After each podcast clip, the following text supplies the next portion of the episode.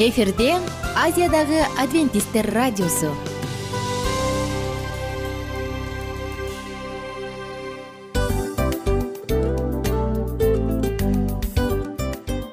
Достор салют. Баардык сүйүктүү угармандарыбызга салам айтабыз. Кутман күнүңүздөр менен. Ден соолук өмүрдүн булагы демекчи саламат саамы программасында баарыңыздарды көргөнүбүзгө абдан кубанычтабыз. Анда алгач амандашып өтөлү арбаңыздар деп. Ден соолугуңуздар кандай элибизде көбүнчө ден соолук кандай дегенде эле жакшы деп жооп беребиз э ооруп турсак дагы жакшы дейбиз. Анан мен муну айтып ойлойт элем бул абдан сонун сөз депчи анткени бул жакшы деген үмүт да э ооба баары жакшы болот. Баары сонун. Деп үмүттөнүп атып эле өзүбүздү өзүбүз дарылап коебуз. Анысы кандай? Сиздин дагы ден соолугуңуз жакшы беш деген үмүттөбүз чындыгында ден соолук бул өмүрдүн булагы деп бекеринен айтылган эмес деп ойлойм. Кыргыз элинде анткени эгерде ден соолук жок болсо анда адамдын жашоосунда калган баардык керектүү маңыздуу нерселер өзүнүн баалуулугун жоготуп коет. Ошондуктан ден соолук бул эң керектүү нерсе. Ооба туура айтасың кесиптешим. Чынында ден соолугуң жок бир эки үч күн ооруп калсаң эле э кандай болуп калат? Жашоодо көз каранды болуп каласың көп нерсеге жетишпей каласың көп нерсени кыла албай каласың жада калса эшикке дүкөнгө да чыга албай каласың. Туптуура анан ден соолук болсо демек биз биздин бактыбыз тоодой деп койсок болот. Анда достор саламат саамы рубрикабызды баштайлы. Алдыда өзүңүзгө керектүү болгон сонун кеңештерди уга аласыздар. Мына ошондуктан биз менен бирге болуңуздар. Ал эми биз болсо милан жана айнура. Кеттик алга. Алга саламат саама ден соолуктун жарчысы. Саламат саама ден соолуктун ачкычы. Күн сайын сиз үчүн мыкты кеңештер сонун жаңылыктар кызыктуу фактылар биздин рубрикада.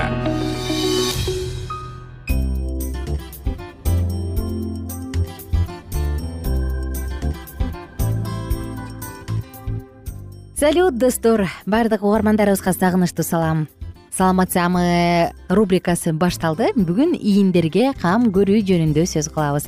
Гимнастика жөнүндө сөз кылабыз. Мына ошондуктан биз менен бирге болуңуздар. Анда жөнөдүк. Достор баарыбыз эле баягы моюнда булчуңдарыбыздын ооруп калганын тырышып калганын ийиндерибиздин ушундай бир таалып ылдыйды көздөй басылып ооруп болуп калганын сезсек керек э. Мындай абал баарыбызга эле тааныш болуш керек жакшы эгерде бул мындай оорутуучу сезимдер жөн гана стресс менен же болбосо туура эмес отуруудан улам келип чыккан болсо же физикалык активдүүлүктүн аздыгынан улам болсо анда түшүнүктүү. Мындай учурда бизге болгону гана регулярдуу көнүгүү жасоо жардам берип абалыбызды жеңилдетет. Бул жерде эң негизги сөз регулярдуу. Тагыраак айтканда үзгүлтүксүз. Эгер биз үзгүлтүксүз көнүгүүлөрдү жасап тура турган болсок анда ийиндерибизге дагы туура кам көрөбүз. Моюнубуздун булчуңдарын дагы бошоңдотобуз жана алдын алып ар кандай кийин травмаларга кабылуунун баардыгын алдын алабыз. Эми сөз суроо. Эмне болгон көнүгүү? Бул жөнүндө биз бүгүн кененирээк айтып беребиз. Ошондуктан бизди угуңуз. Ал эч жакты көздөй жөнөбөңүз эч нерсени калтырбаңыз ар бир сөзүбүздү тыңдап угуңуз. Кызматта сиздер менен бирге мен айнура миназарова көнүгүү жөнүндө айта турган болсок биз бүгүн эртең мененки көнүгүүлөрдүн чегинде болгон сөздү айталычы эртең мененки көнүгүүлөрдүн чегинде болмокчу. Ооба биз эртең менен турганда араң ойгонобуз э? Айгай саат беш жолу он жолу кыймылдайт чырылдайт. Ай деп араң араң турабыз кыйналабыз тим эле эстейбиз кызык бир кыйналасың. Мындай учурда көнүгүү эмес э, анын ордуна беш он мүнөт уктап алайынчы дейбиз э туурабы анан төшөктөн өйдө туруп өзүбүздү кыйнап Э, жаңы иш күнүнө даярдоо дайыма эле эркибизге келбейт. Бирок ошентсе дагы бул нерсеге татыктуу. Анда эртең мененки көнүгүүлөр жөнүндө сөз кылалы. Эртең менен эң эле эффективдүү бир чечим бар. Специалисттер мындай дейт да эртең менен турар менен көнүгүү жасаш керек деп. Көнүгүү жасоо адамдын булчуңдарын тонуста кармайт жана бир күнгө жете тургандай энергия менен камсыздандырат бир күндүк эртең мененки көнүгүү он мүнөт аралыгында болгону жетиштүү. Эгер сиз төшөктөн өйдө карай тура албай атсаңыз анда кан жакшы циркуляция болбой атканын кан тамырларда жакшы кан жүгүрбөй атканын эстеп коюңуз. Бул сизге турганга жардам берет. Ошондой эле достор эгерде эртең менен көнүгүүнү жасай турган болсок анын натыйжасында организм кислородко байыйт жана азыктандыруучу заттардын баардыгы жетиштүү түрдө керектүү жерлерге ташыла баштайт. Ошондой эле кислород мээнин клеткаларына жетет ал болсо анын ишин ишмердүүлүгүн активдештирет мунун негизинде бизде көңүл буруу дагы оңоюраак жана эс тутум дагы жакшырат. Кызык бирок маанилүү. Эми эртең мененки көнүгүүнүн дагы бир пайдалуу жагын айтсак булчуңдардын өөрчүшүнө жардам берет. Ал адамдын өзүнүн боюн түз кармаганга жардам берет. Мунун натыйжасында биз дайыма күнүгө көнүгүү жасай турган болсок бизде белди түз кармоо өзүнчө эле адат болуп калат. Адат болсо булчуңдардын өзүнүн атайын эс тутуму бар эмеспи булчуңдар эстеп калат дагы. А мен моундай абалда болушум керек дейт дагы эстеп калат. Демек сизде сколиоз остеохондроз болбойт. Эртең мененки көнүгүүлөрдүн дагы бир өзгөчөлүгү эмнеде? Алардын өзгөчөлүгү ден соолукту сактайт. Канча мүнөт жасаш керек? Эми жарым саатпы бир саатпы? Жок! Сизге болгону гана он он беш мүнөттүк көнүгүү жетиштүү алардын баардыгы тең жай өтө жай эмес орточо темпте аткарылышы керек. Дагы бир көңүл бурчу нерсе достор эгерде сиз э, бир күн жасап бир күн жасабай турган болсоңуз анда баардык эффекттин баары жоголот. Көнүгүүнүн негизги себеби бул регулярдуулукта. Тагыраак айтканда дайыма жасалуусунда ошондуктан эгерде сиз көнүгүү жасайм деп бүгүн баштасаңыз анда эртең дагы көнүгүүнү таштабай улантыңыз эртең мененки көнүгүүнүн ичинде атайын көптөгөн көнүгүүлөр да сунушталып келет. Бул кандай? Атайын тренировка кылуучу же болбосо машыктыруучу комплекс бар. Бул керилүү жана тескерисинче мынтип чогулуу булчуңдарды арка белди керилтүү жана жыйылтуу булардын баардыгы эртең мененки көнүгүүнүн комплексине киргени жакшы. Ошондой эле достор тегеретүү жана муундарды жылытуу. Кайсы муундарды кайсы жердеги муундарды? Бул баш моюн билек чыканак ийин бут мына ушул жердеги ар бир суставтарды э, муундарды сиз айланта аласыз жылыта аласыз бул жака демек кан көбүрөөк жүгүрө баштайт. Ошондой эле достор бизде булчуңдар жана байламталар үчүн дагы сонун көнүгүүлөр бар. Эгер кызык боло турган болсо интернет булактарынан да карасаңыз болот. Аларды дагы биз чоюп керип ушундай бир акырындан керектүү гана өлчөмдө эртең менен машыктыра алабыз дененин ылдый жагыначы ылдый жагына кандай көнүгүүлөрдү жасаса болот? Албетте сизге отуруп туруу сунушталат. Он жолу. Жок дегенде он жолу. Башында он жолу жасасаңыз анан акырындык менен көбөйтө отуруп муну улам улам көбөйтүп астына кошо берсеңиз болот. Бул болсо белде жамбаштарда майлардын топтолушуна каршылыкты көргөзөт. Үстү жакка белдин курсактын үстүнө курсак белдин үстүнө бел чыгып калбайт баардык иши жакшынакай өз ордунда болот экен эми достор эртең мененки көнүгүүнү дагы баардык эле адамдар жаса бергенге болбойт. Кайсы бир адамдарга жасаганга болбойт. Кайсы адамдарга кимдерге? Муну дагы сиз өзүңүздүн доктуруңуз менен кеңешип эгерде ден соолугуңузда көйгөй бар боло турган болсо анан байкаңыз. Андан ары уланталы достор кош бойлуумун мен кантем десеңиз кош бойлууларга дагы эртең мененки жеңил көнүгүүлөрдү жасап койсоңуз болот. Бирок кандай? Бул дагы маанилүү ошондуктан баарын билиш үчүн биринчи адис менен кеңешип кайсы көнүгүүлөр сизге туура келет ошолорду тандап алыңыз. Кимдир бирөө травма алган болсо кимдир бирөө инвалид болуп тилекке каршы майып болуп калган болсо анда төшөктө жатып алып эле кыйналбастан жаткан боюнча көнүгүү жасасаңыз болот.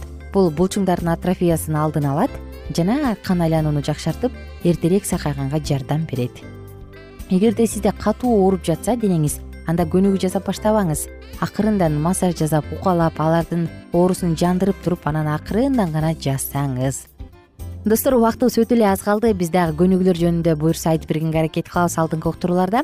Ага чейин эми кандай көнүгүү жасайм десеңиз ишеничтүү бир атайын тренерлерден машыктыруучулардан же интернет булактарынан караңыз дагы өзүңүзгө керектүү өлчөмдөрдүн топтомун жазып алып саламаттыгыңыз үчүн күрөшө бериңиз а мен болсо сиздер менен коштошом. Жалпыңыздарга кааларым ийгиликтүү күн. Бар болуңуздар аман болуңуздар. Жана кайрадан амандашканча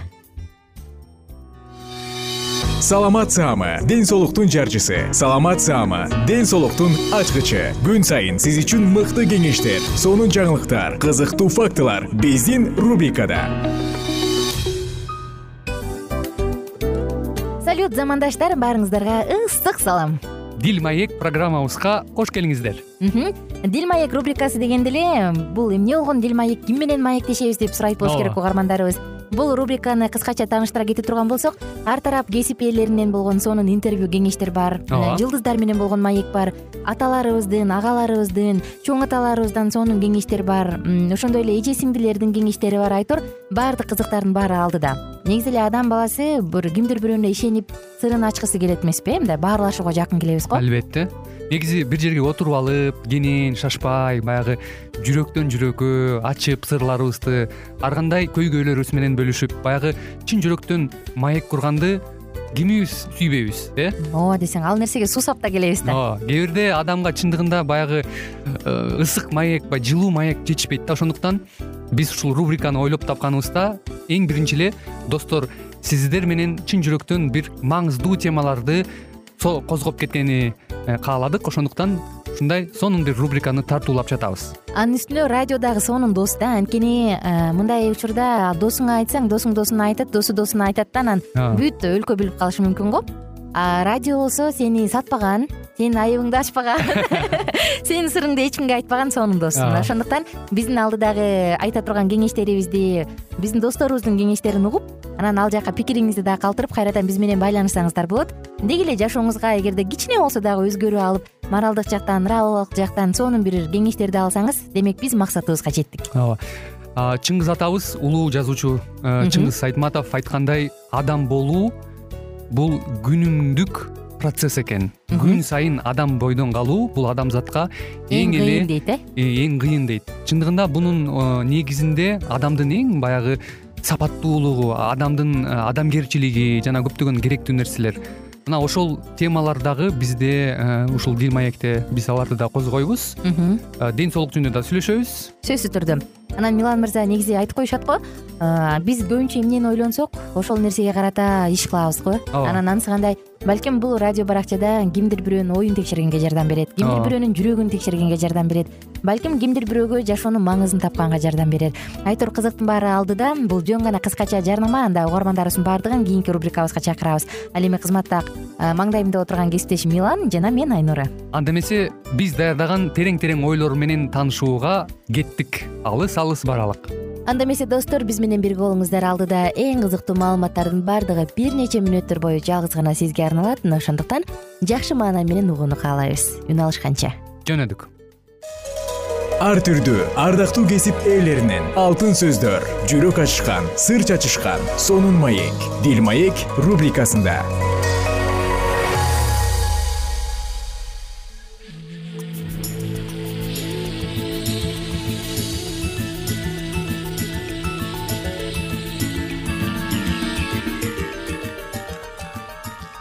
кутмандуу күнүңүздөр менен кымбаттуу радио угармандарыбыз. Кайрадан эле сиздердин назарыңыздарда бактылуу никенин баалуу эрежелери аттуу программабызда кездешип жатканыбызга өтө кубанычтабыз.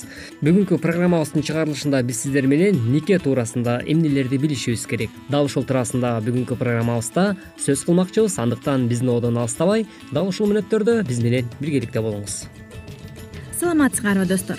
Деги эле нике бул эркек менен аялдын үй бүлө курууга расмий кириши болочок жубайлардын бул расмий адаты кабылдоосу менен алардын бири бирине жана балдарына карата укуктары жана милдеттери келип чыгат.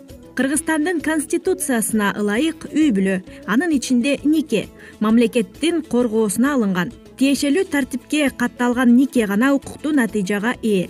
Жарандык абал аркылуу каттоо органдарына никеге турууну суранып арыз бергенден бир ай өткөндөн кийин жүргүзүлөт жүйөлүү себеп болсо бул мөөнөттү кыскартылышы мүмкүн. Жубайлардын өз ара укуктары менен милдеттери нике катталган күнүнө кирет. Никелешүүлөрдүн ыраттуулугу макулдашуусу жана алардын нике жашына адатта он сегиз жашка толушу никеге туруунун шарты болуп эсептелет. Ошондой эле көпчүлүк учурда жаштар бири бири тууралуу эч нерсе билбей туруп баш кошуп алышат мүмкүн экөөнүн бирөөсү сараң өзүмчүл акылсыз болуп чыга келет. Жыйынтыгында көңүл калуу чыр чатактар келип чыгат. Мындай учурда капа болуунун кажети жок. Эгерде жогорудагы сапаттарга өтө эле зыянын тийгизбесе анда маселени чечүүгө өзүңүз аракет кылыңыз. Анткени баардык адамда билинбей жаткан терс сапаттар болот. Күйөөсү аялын жек көрбөшү керек эгерде аялынын кандай бир сапаттары жакпаса анда ал башка сапаттарына ыраазы болушу керек. Мисалы күйөөсү аялынын катылып жаткан жөндөмдүүлүгүн байкап ошол сапаты үчүн кайрадан жакшы көрүп сезимдерин жаңылоосу мүмкүн.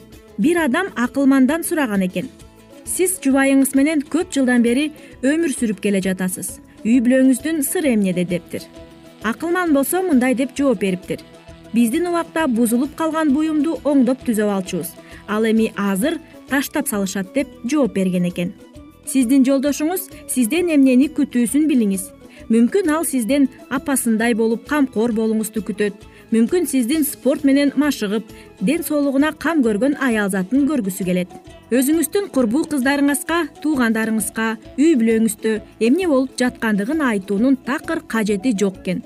Бул эң биринчи эле никеге турган жубайларга кеңеш чындап эле адатта сиз никеге тургандан кийин сөзсүз түрдө өзүңүздүн үй бүлөңүздөгү болуп жаткан ич ара маселени эч убакта сыртка алып чыгып бирөөлөргө жарыялоонун эч кандай кажети жок экен. Андыктан бул нерсени дагы жаш түгөйлөр жана ошондой эле жаш жубайлар сөзсүз түрдө эске алууңуз зарыл себеп дегенде үй бүлөдөгү ич ара сыртка айтпай турган ич ара үй бүлөлүк маселелер болот эмеспи. Дал ошол маселелерди сиз эгерде өзүңүздүн жакын курбуларыңыз менен же болбосо өзүңүздүн төркүнүңүзгө э, дайыма эле биздин үй бүлөдө мындай нерселер болуп жатат мындай окуялар болуп атат деп эле эгерде айта бере турган болсоңуз анда бул нерсе жүрүп жүрүп отуруп сиздин никелик жашооңуздун түбөлүктүү болушуна демек тоскоолдук болуп калат. Башкача айтканда сиздин э, никелик жашооңуздун өмүрү кыскарып калышы дагы ыктымал. Андыктан бул нерсени сөзсүз түрдө эске алууңуз зарыл.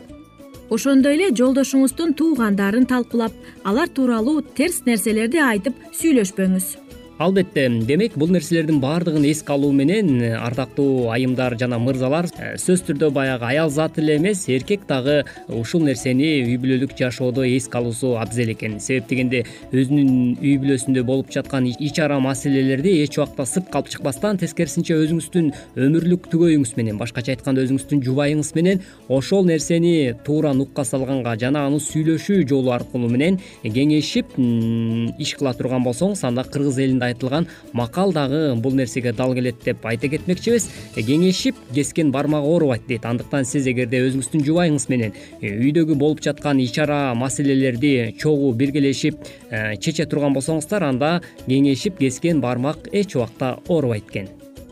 Ал эми жолдошуңуз өзү туугандарына нааразы болуп жатса да ага кошулуп талкууга албаңыз. Сыртынан билгизбесе да ичинен тескерисинче сизге нааразы болуп калыусу толугу менен ыктымал. Ошондой эле жолдошуңузга сиздин да туугандарыңызды талкуулоого жол бербеңиз. Эгерде сый урматты жогосо аны кайрадан куруу мүмкүн эмес. Сага кандай мамиле кылууну кааласаң сен да адамдарга ошондой мамиле кыл. Бул эреже үй бүлөнүн ичинде да сакталуусу керек демек адатта айтылган баардык кеңештер сиздин жашооңуздарда сөзсүз түрдө өзүнүн мыкты жемишин бере берсин деген тилегибизди билдирүү менен биргеликте. Алдыда дагы кандай кеңештер бар экен кесиптешим экөөбүз карап өтөлү. Жолдошуңуздун жакшы сапаттарын таап байкап аларды мактап койсоңуз ашык болбойт. Бирок аша чаап мактасаңыз да аракетиңиз терс натыйжа берүүсү мүмкүн. Баарыбыз эле өзүбүздү мактаган сөздөрдү уксак бизге аябай жагымдуу болот эмеспи туурабы сөзсүз түрдө мисалы ким эле жактырбасын мисалы сен жөнүндө жакшы пикирин айтып атса жылуу жумшак э, мамиле кылып атса ошол эле учурда э, баягы сөзсүз түрдө ар бир эле адам жылуу сөзгө жана жакшы сөзгө муктаж болуп келет эмеспи. Андыктан жакшы сөз жан эргитет деген сөз ушундан улам пайда болсо керек. Эгерде баары өз чеги менен болсо анда жолдошуңуз дагы сизди байкабай жүргөн сапаттарыңызга көңүл буруп мактоого арзыйсыз эч убакта күйөөңүзгө жаш балача урушуп жемелебеңиз. Албетте мындай нерселерди эске алуу менен биргеликте дагы ардактуу айымдар сиздер өзгөчө ушул өзүңүздүн өмүрлүк түгөйүңүз менен өмүр сүрүп жаткан соң эч убакта жолдошуңузду жамандаганга башкача айтканда бирөөлөргө менин жолдошум мындай менин жолдошум тигиндей деп айтканга эч убакта жол бербеңиз. Бир дагы эркек мындай мамилеге чыдабайт экен. Ал жоош болсо да анын наамысына тийбеңиз кыжырдантып ачуулукка алдыруунун ордуна сылык мамиле жана сүйүү гана сиз каалаган натыйжа берерин унутпаңыз сүйүүдөн баардык нерсе жаралат демекчи. Ардактуу айымдар мына ушул кеңештерди эске алуу менен биргеликте өзүңүздүн э, үй бүлөлүк жашоодо никеңиздин э, бактылуу түбөлүктүү өмүр сүрүүсүн тилек кылган болсоңуз анда сөзсүз түрдө бүгүнкү айтылган кеңештерди жашооңуздарда колдоносуздар деген ишенич менен бүгүнкү программабызды дагы жыйынтыктамакчыбыз. Бизге назар салганыңыздар үчүн ыраазычылык билгизебиз. Кайрадан эле биз сиздер менен дал ушул аба толкундан үн алышканча сак саламатта болуңуз ар түрдүү ардактуу кесип ээлеринен. Алтын сөздөр жүрөк ачышкан сыр чачышкан сонун маек. Дил маек рубрикасында. Жан дүйнөңдү байыткан жүрөгүңдү азыктанткан жашооңо маңыз тартуулаган жан азык рубрикасы.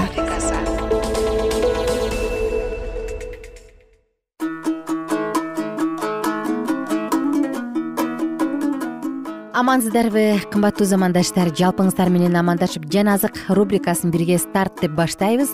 Биз менен бирге болуңуздар. Бул уктурууда дагы биз куткарылуу тарыхы деп аталган сонун китепти бирге улантабыз. Азгырык обонеге ушул жемишти жегенде чоң билимге ээ болуп кудайдын өзүнө тең эле тургандыгын айтып жеткирген.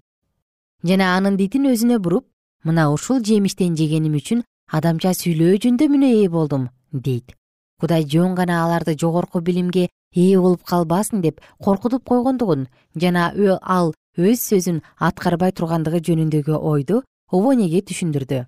Жок силер өлбөйсүңөр деди өлбөстүктүн дарысы болгон өмүр дарагынын жемишин эмне силер жеген жок белеңер адамдарды жыргалчылыктан жана жогорку бактылуулуктан ажыратып жатат деп ал кудайды обонеге жалганчы кылып көргөзгөн.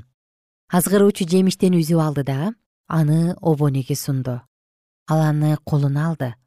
Мына деди жылан өлбөшүңөр үчүн силерге жада калса бул жемишке тийгенге тыюу салынган аны кармап турганда ага эч кандай залалка келбегендигин айтып обоне бул жемишти жей турган болсо кудайдын аларга каарданбай аларды өлтүрбөй тургандыгын билдирди бул сөздөр обонеге дем бергендей болду.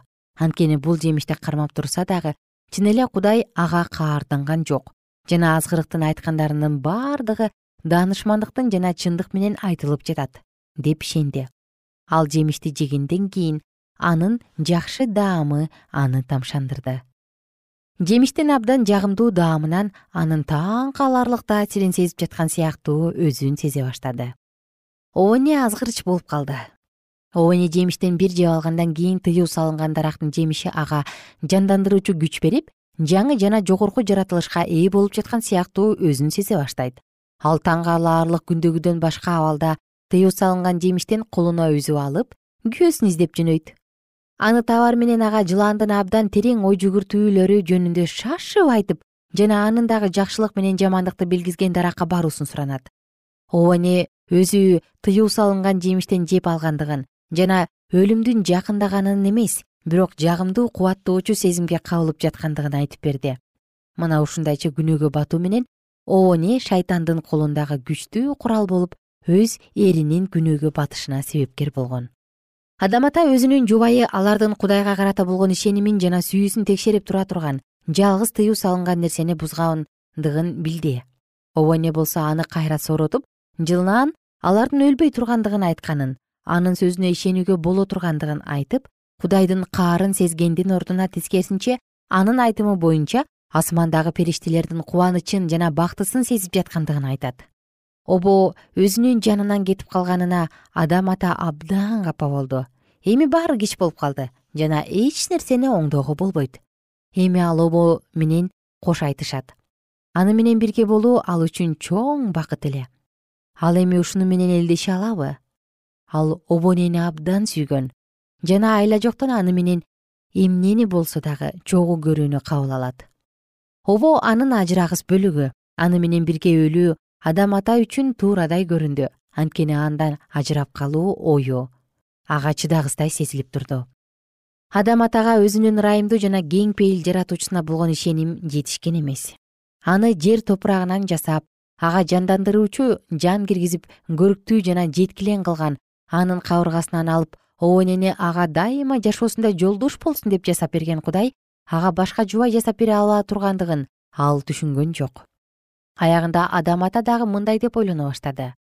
Балким бул даанышман жылаандын айткандары чын болуп калсачы? Анын алдында турган обоне баштагысындай эле көрүнүшү сулуу жана айыпсыз. Кудай аларга тыюу салынган дарактын жемишинен жебегиле деп тыюу салган күндөргө караганда азыркы анын адам атага көргөзгөн сүйүүсү көбүрөөк болуп турду. Ал андан өлүмдүн эч кандай белгисин байкаган жок. Ал боло турган нерселердин бардыгын кайраттуулук менен кабыл алууну чечти. Адам ата тыюу салынган жемишти анын колунан алып жеп жиберди жана обоне сыяктуу шыр эле анын өлтүрө турган аракетин сезген жок. Адамга берилген тандап алуу эрки кудай биздин түпкү атабызга жакшылык менен жамандыкты белилдирген даракты берип тактына саат берген андан тышкары алар шайтандын козголоңу жөнүндө жана анын сөздөрүн угуп анын кеңештери менен жүрүү канчалыктуу коркунучтуу экендиги туурасында толук эскертүү алышкан. Кудай аларды тыюу салынган дарактын жемишин жегенден ажыратып койгон жок.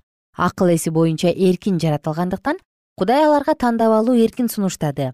Анын сөздөрүнө ишенүү анын буйруктарына баш ийип түбөлүк жашоо же кудайдын буйруктарынан баш тартып азгырыкка ишенүү жана өздөрүнө өлүм каалоо баштагы жумшак сүйүү тынчтык жана бактылуулук аларга башта тааныш болбогон жаңы жоготууну билип калуу сезими менен алмашты. Мына ошондо биринчи жолу алар өз сырткы келбеттерине көңүл бурушту алар буга чейин атайын тигилген кийим кийинишкен эмес. Аларды асман периштелери кийинген кудайдан чыгып турган жарык нурдун кийими жаап турган. Мына эми аларды курчап турган баштагы жарык жок болду. Эми өздөрүнүн жылаңач денелерин жабыш үчүн аларда уят пайда болуп денелерин калкалай турган бир нерсе издеше башташат. Эми алар өз теңиринин жана ыйык периштелеринин көз алдында кантип жылаңач турушмак эле? Шайтандын кубанычы койнуна батпай жатты. Ал аялды азгырып анын ичине кудайга ишенбестикти кудайдын даанышмандыгынан шек саноочулукту жана анын акыл жетпеген пландарын билүүнү каалоо сезими туудурду. Жана анын аркасында адам атанын ишенимден тайышы ишке ашырылды. Обонеге болгон сүйүүсүнүн айынан адам ата кудайдын буйругунан баш тартып аны менен бирге күнөөгө баткан. Адам ата менен обонеге теңир өзү келип алардын тил албастыгынын арты эмне боло тургандыгын айтат. Аларга кудайдын коркунучтуу кадамы келе жаткандыгын угуп калышып андан жашынып калууга аракеттеништи.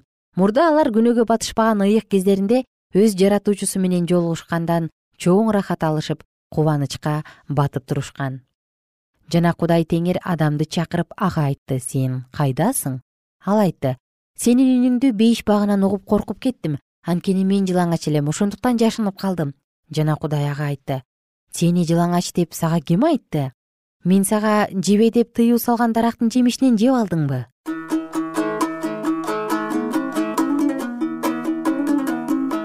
Достор дал ушул жерден окуябызды токтотобуз дагы кийинки уктурууда бирге улантабыз. Биз менен бирге болуңуздар.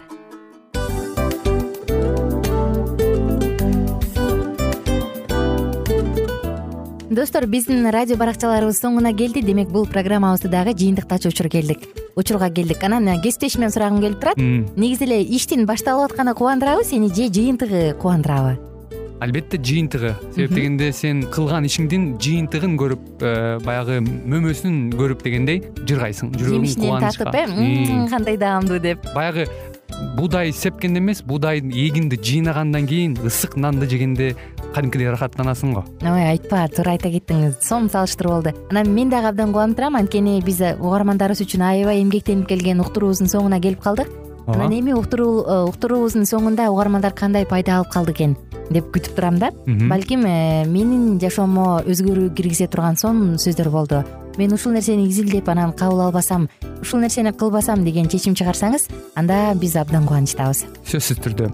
Андыктан кийинки биздин кызыктуу уктурууларыбыздан көрүшкөнчө сак саламатта калыңыздар. Чыдамсыздык менен сиздерди мен милан жана кесиптешим айнура күтөбүз баардык угармандарыбызга ийгиликтүү күн каалайбыз. Качан гана болбосун уртуңуздан жылмаюу кетпесин үйүңүздө көмүр жүрөгүңүздө көңүл болсун дейли